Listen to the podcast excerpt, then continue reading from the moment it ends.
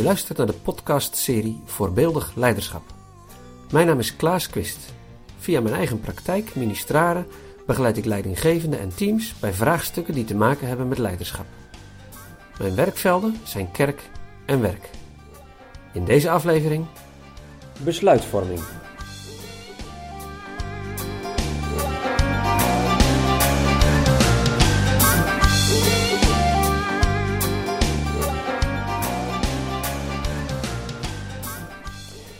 Besluit nemen kan soms lastig zijn. En dat begint al heel vroeg. Denk maar aan kinderen die soms lang kunnen twijfelen als ze de keus krijgen. Neem ik dit koekje of die andere? Die ziet er ook lekker uit. Eigenlijk wil ik niet kiezen, ik wil ze allebei. En wij volwassenen kunnen er ook wel wat van. Neem eens een vergadering of een bespreking in gedachten waarover je niet echt blij was, of misschien nog steeds bent, met een besluit dat werd genomen. Hoe kijk je daarop terug? Misschien is er nog helemaal niets besloten. Als het zo is, dan baal je er mogelijk van dat het allemaal zo lang moet duren. Of het besluit is er doorgedrukt. En je vindt dat er veel te weinig rekening is gehouden met jouw standpunt, of dat met van een collega van jou. Of je zegt, ja, er is wel een keus gemaakt, maar iedereen weet dat het de verkeerde is. En zo zijn er al drie opties die uh, uh, er kunnen zijn als je terugkijkt op een besluit waar je zelf bij betrokken was. En de algemene noemer is frustratie. Het is nog helemaal niet zo makkelijk om keuzes te maken waar iedereen tevreden mee is. Kan dat eigenlijk wel? Daarover gaat deze podcast. En mijn belofte aan jou is dat het mogelijk is om besluiten te nemen waar iedereen zich in kan vinden. Als het erover gaat hoe een besluit tot stand komt, dan is er een enorme variëteit aan mogelijkheden. Het kan met overleg, zonder overleg, met of zonder instemming, uitgebreid bediscussieerd of onder stoom en kokend water. In algemeenheid kun je zeggen dat je het besluiten het beste kunt nemen op een democratische manier. Dat houdt dus in dat je niet alleen informatie bij betrokkenen inwint, maar ook dat je er serieus mee omgaat. Je weegt het af. De wijze koning Salomo zei zo'n 3000 jaar geleden al dat er wijsheid is in de veelheid van raadgevers. En dat is vandaag de dag nog steeds zo. Onderzoek laat zien dat groepsdenken en groepspolarisatie altijd op de loer liggen. Systematische studie naar gedrag van sociale groepen ondersteunt de theorie dat meningen extremer worden onder gelijkgezinden. Als iedereen het eens is, wordt een tegengeluid niet meer gehoord of niet ingebracht. En hierdoor is er eigenlijk een soort van disproportionele verhouding van informatie die een bepaalde kant uitgaat. En dan kun je denken met elkaar dat je een goede keus maakt, maar dat hoeft niet. Daarom is mijn eerste advies aan jou als leidinggevende Zorg dat je in je eigen omgeving mensen hebt die een afwijkende mening durven te hebben. Dat is misschien niet altijd fijn voor jou als leider, want je hebt natuurlijk veel liever dat mensen het met je eens zijn. Volgens Irving James is er sprake van groepsdenken als een groep een besluit neemt waarvan de individuele leden weten dat het een slecht besluit is. Hij analyseerde een aantal van de meest onverstandige politieke besluiten die er in de Verenigde Staten zijn gemaakt. En James constateert groepen of teams met een sterke samenhang, met een sterke leider en waar de druk groot is om de harmonie te bewaren, dat deze groepen het grootste risico vormen tot groeps, groepsdenken. Zeker als in deze groepen um, de neiging is om zich te isoleren van de omgeving. Om groepsdenken te vermijden kun je twee dingen doen. In de eerste plaats moet je je als leider opstellen als een onpartijdige gespreksleider. Of misschien zelfs wel iemand die helemaal het gesprek niet leidt. Maar belangrijk is dat je je eigen mening als leider zo lang mogelijk uitstelt. En het tweede, op elk moment in de besluitvorming moet het mogelijk zijn om kritische vragen te stellen, alternatieven aan te dragen of informatie in te brengen die een besluit steunt of juist weerlegt. Verkeerde besluiten als gevolg van groepsdenken of groepspolarisatie, die kunnen overal gemaakt worden. Ik denk aan de situatie in de Willow Creek Kerk in Amerika en de in opspraak geraakte voorganger Bill Hybels. Juist hij, Bill Hybels, die zoveel over leiderschap sprak en daar wereldwijd onderwijs in gaf, ging in de fout. Hij had onvoldoende sterke mensen in zijn omgeving die hem tegen durfden te spreken. Want je ziet het ook in andere delen van de samenleving. Recent was in het nieuws dat steeds meer VVD'ers vinden dat er een debatcultuur moet komen in hun partij. En ook in mijn eigen tijd, in het hart van de organisatie van de ChristenUnie, herinner ik mij gesprekken over het ontbreken van een werkelijk open debat. De beste dienst die jij jezelf en die jullie elkaar kunnen bewijzen bij het nemen van besluiten, is een open gesprek en het bewust opzoeken van tegengestelde inzichten. Maar daarmee dient zich meteen wel een volgend risico aan: besluiteloosheid. Waarbij gebrek aan overleg het risico is om verkeerde besluiten te nemen, is het niet nemen van besluiten of het uitstellen van besluiten net zo funest. Hoe frustrerend is het voor je als je een leider hebt die niet durft te kiezen? Je kunt daar razend van worden. Een directeur zei een tijd geleden tegen mij dat als je maar lang genoeg wacht, alle problemen vanzelf oplossen. Ja, dat klopt. Want mensen die de besluiteloosheid niet meer aankunnen, verdwijnen. Of ze besluiten hun mond verder maar te houden. En die zijn dus niet meer actief betrokken. Wat kun jij nou doen als je als leidinggevende bij jezelf ontdekt dat je in feite besluiteloos bent? Of misschien hoor je dat wel van mensen uit je omgeving. Nou, mijn advies is om daar echt over in gesprek te gaan met iemand die jou een spiegel voor durft te houden. Iemand die met jou op zoek gaat naar de onderliggende motivatie van jouzelf om keuzes maar uit te stellen. Neem een coach in de hand en doe een investering in jezelf. Neem gerust contact met mij op, maar doorbreek het patroon van besluiteloosheid. Door de onderzoekers Vroom en Jetten is een besluitvormingsmodel ontwikkeld dat leidinggevende inzicht geeft in hoe je een besluit het beste kunt maken. En zij onderscheiden eigenlijk vijf verschillende manieren die uiteenlopen van autocratisch, dus de leider of het leiderschapsteam doet het helemaal alleen, tot democratisch. En aan de hand van zeven praktische vragen kun je met elkaar vaststellen hoe een besluit het beste tot stand kan komen. Ik heb hier een kort artikel over geschreven dat te downloaden is op mijn website en de link vind je bij het audiobestand van deze podcast. Nou, ik ga het proberen praktisch te maken. Hoe kun je nu met elkaar een besluit nemen? Hoe ziet dat eruit? Hoe doe je dat? Ik deed aan het begin van de podcast immers de belofte dat het mogelijk is om besluiten te nemen waar iedereen zich in kan vinden.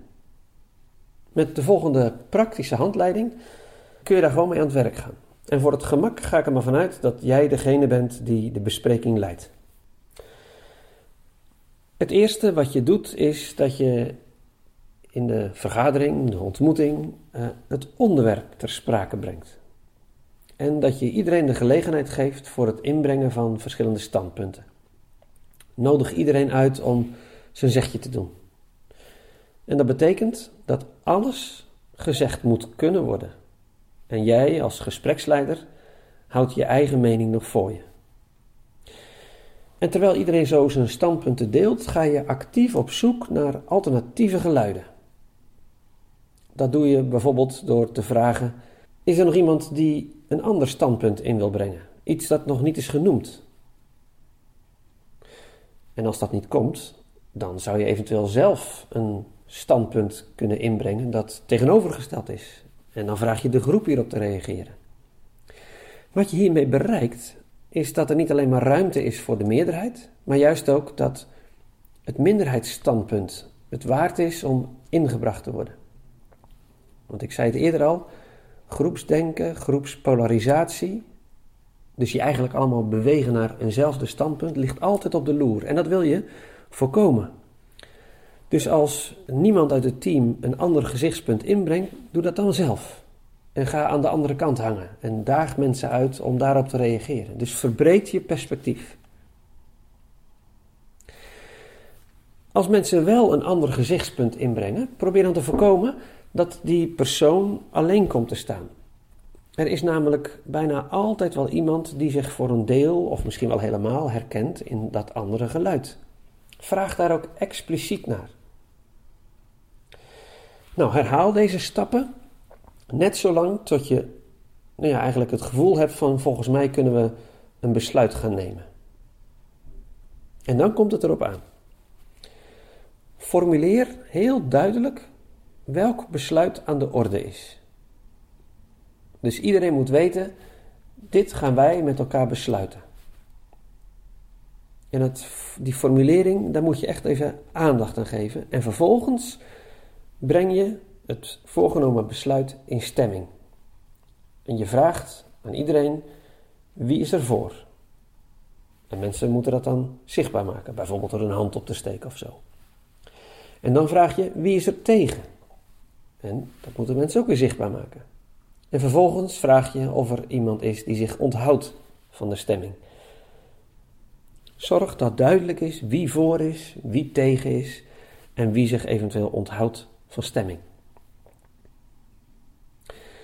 Als er nog geen echte duidelijke meerderheid is, dan ben je te snel overgegaan naar deze stap van besluitvorming. Blijkbaar is dan nog niet alles gezegd. Er kan ook iets anders aan de hand zijn, maar daar kom ik straks op. Als er volledige unanimiteit is, dan ben je klaar, heb je samen het besluit genomen en kan iedereen tevreden verder gaan. Als er wel een duidelijke meerderheid is, maar nog geen unanimiteit, dan betrek je de minderheid actief bij het vervolg. Vertel dat je begrijpt dat het niet fijn is dat hun voorkeur niet is gekozen en vraag wat ze nodig hebben om mee te gaan met meerderheid. En voeg deze wijsheid van de minderheid, dat kan misschien één iemand zijn of misschien zijn het er een paar, voeg de wijsheid van de minderheid toe aan het meerderheidsbesluit. En zo breng je een nieuw, aangepast voorstel in stemming. En opnieuw vraag je wie is voor, wie is tegen en wie onthoudt zich van stemming. Het klinkt misschien wat overdreven om dat zo te doen, maar in de meeste situaties zal blijken dat je door deze werkwijze te volgen sneller tot een besluit komt. Belangrijker nog, er is meer tevredenheid over het besluit dat je met elkaar genomen hebt. En dat komt omdat je actief en met overtuiging rekening houdt met elkaars standpunten. En nog even over die, um, die minderheid. Stel dat je een paar keer nodig hebt om tot een besluit te komen, dan kan die minderheid steeds een andere samenstelling hebben. En als je voor de tweede keer een, besluit in stemming brengt, een aangepast voorstel in stemming brengt, uh, zijn mensen die bij de eerste ronde wel voor waren, misschien bij de tweede ronde uh, niet meer voor. Of die onthouden zich van stemming. Dus die minderheid die kan wisselen qua samenstelling. En wat nou als het niet lukt? Nou, eigenlijk kun je een besluit drie keer aanpassen en in stemming brengen. En als het dan nog niet lukt, ja, dan is er iets anders aan de hand. En dat zul je dan moeten oplossen. Wat dat andere precies is, dat is natuurlijk niet helemaal duidelijk.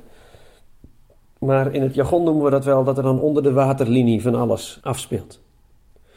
En of het je lukt om dat probleem op te lossen, dat is afhankelijk van jouw eigen persoonlijke vaardigheden als leider, maar ook wel van je positie. Ben je voldoende neutraal geweest? De kans is aanwezig dat er een onderstroom is die zo sterk is dat je er samen niet zomaar uitkomt. Nou, dan is het nodig dat je hulp zoekt. Iemand van buiten die geen belang heeft bij het besluit dat jullie nemen en bij jullie organisatie. Ik heb deze manier van besluitvorming al vele malen toegepast in situaties waar ik zelf bij betrokken was. Als begeleider van besprekingen of heidagen of teamdagen met kleine groepen, maar ook met grote groepen van wel meer dan 50 personen. En het werkt. En daarom vertel ik erover. Het kost soms wel enige moeite, maar de tevredenheid groeit en de samenwerking wordt echt sterker. Jij kunt dit ook leren. Dus Ga daar gewoon mee aan de slag. Ten slotte ga ik mezelf even tegenspreken. Want onze ervaring is natuurlijk niet dat het altijd mogelijk is om samen een besluit te nemen. Die belofte dat dat wel mogelijk is, kan ik niet waarmaken. Sommige vraagstukken zijn te complex. En soms zijn de meningen zo tegengesteld dat eensgezindheid over de inhoud gewoon niet behaald kan worden. En dat er een compromis nodig is. Dus ik neem mezelf niet al te serieus als ik zeg dat het mogelijk is om besluiten te nemen waar iedereen zich in kan vinden. Ik houd rekening met een zekere vorm van teleurstelling en het niet bereiken van eensgezindheid over een keus. Maar dat wil niet zeggen dat je daar niet naar moet streven. Juist wel. Juist wel, want je moet proberen als leider het proces zorgvuldig met elkaar te doorlopen. Dat is de beste dienst die jij als leidinggevende kunt bewijzen. Dat je oprecht de moeite doet om anderen te begrijpen en hun mening, hun visie, hun ideeën mee te nemen. Denk nog even terug aan wat ik in de vorige podcast zei over de vaardigheid van leiders om werkelijk open, eerlijk en vertrouwenswaardig te zijn. En zo kan het gebeuren dat jullie het niet met elkaar eens zijn over de inhoud van een besluit, maar wel over het proces. Omdat alle stemmen serieus zijn genomen.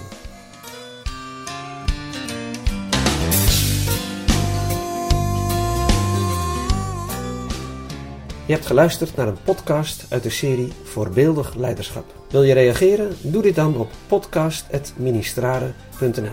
Voor meer informatie, inspiratie of contact, ga naar mijn website ministrare.nl. Ik dank je voor het luisteren en graag tot een volgende keer.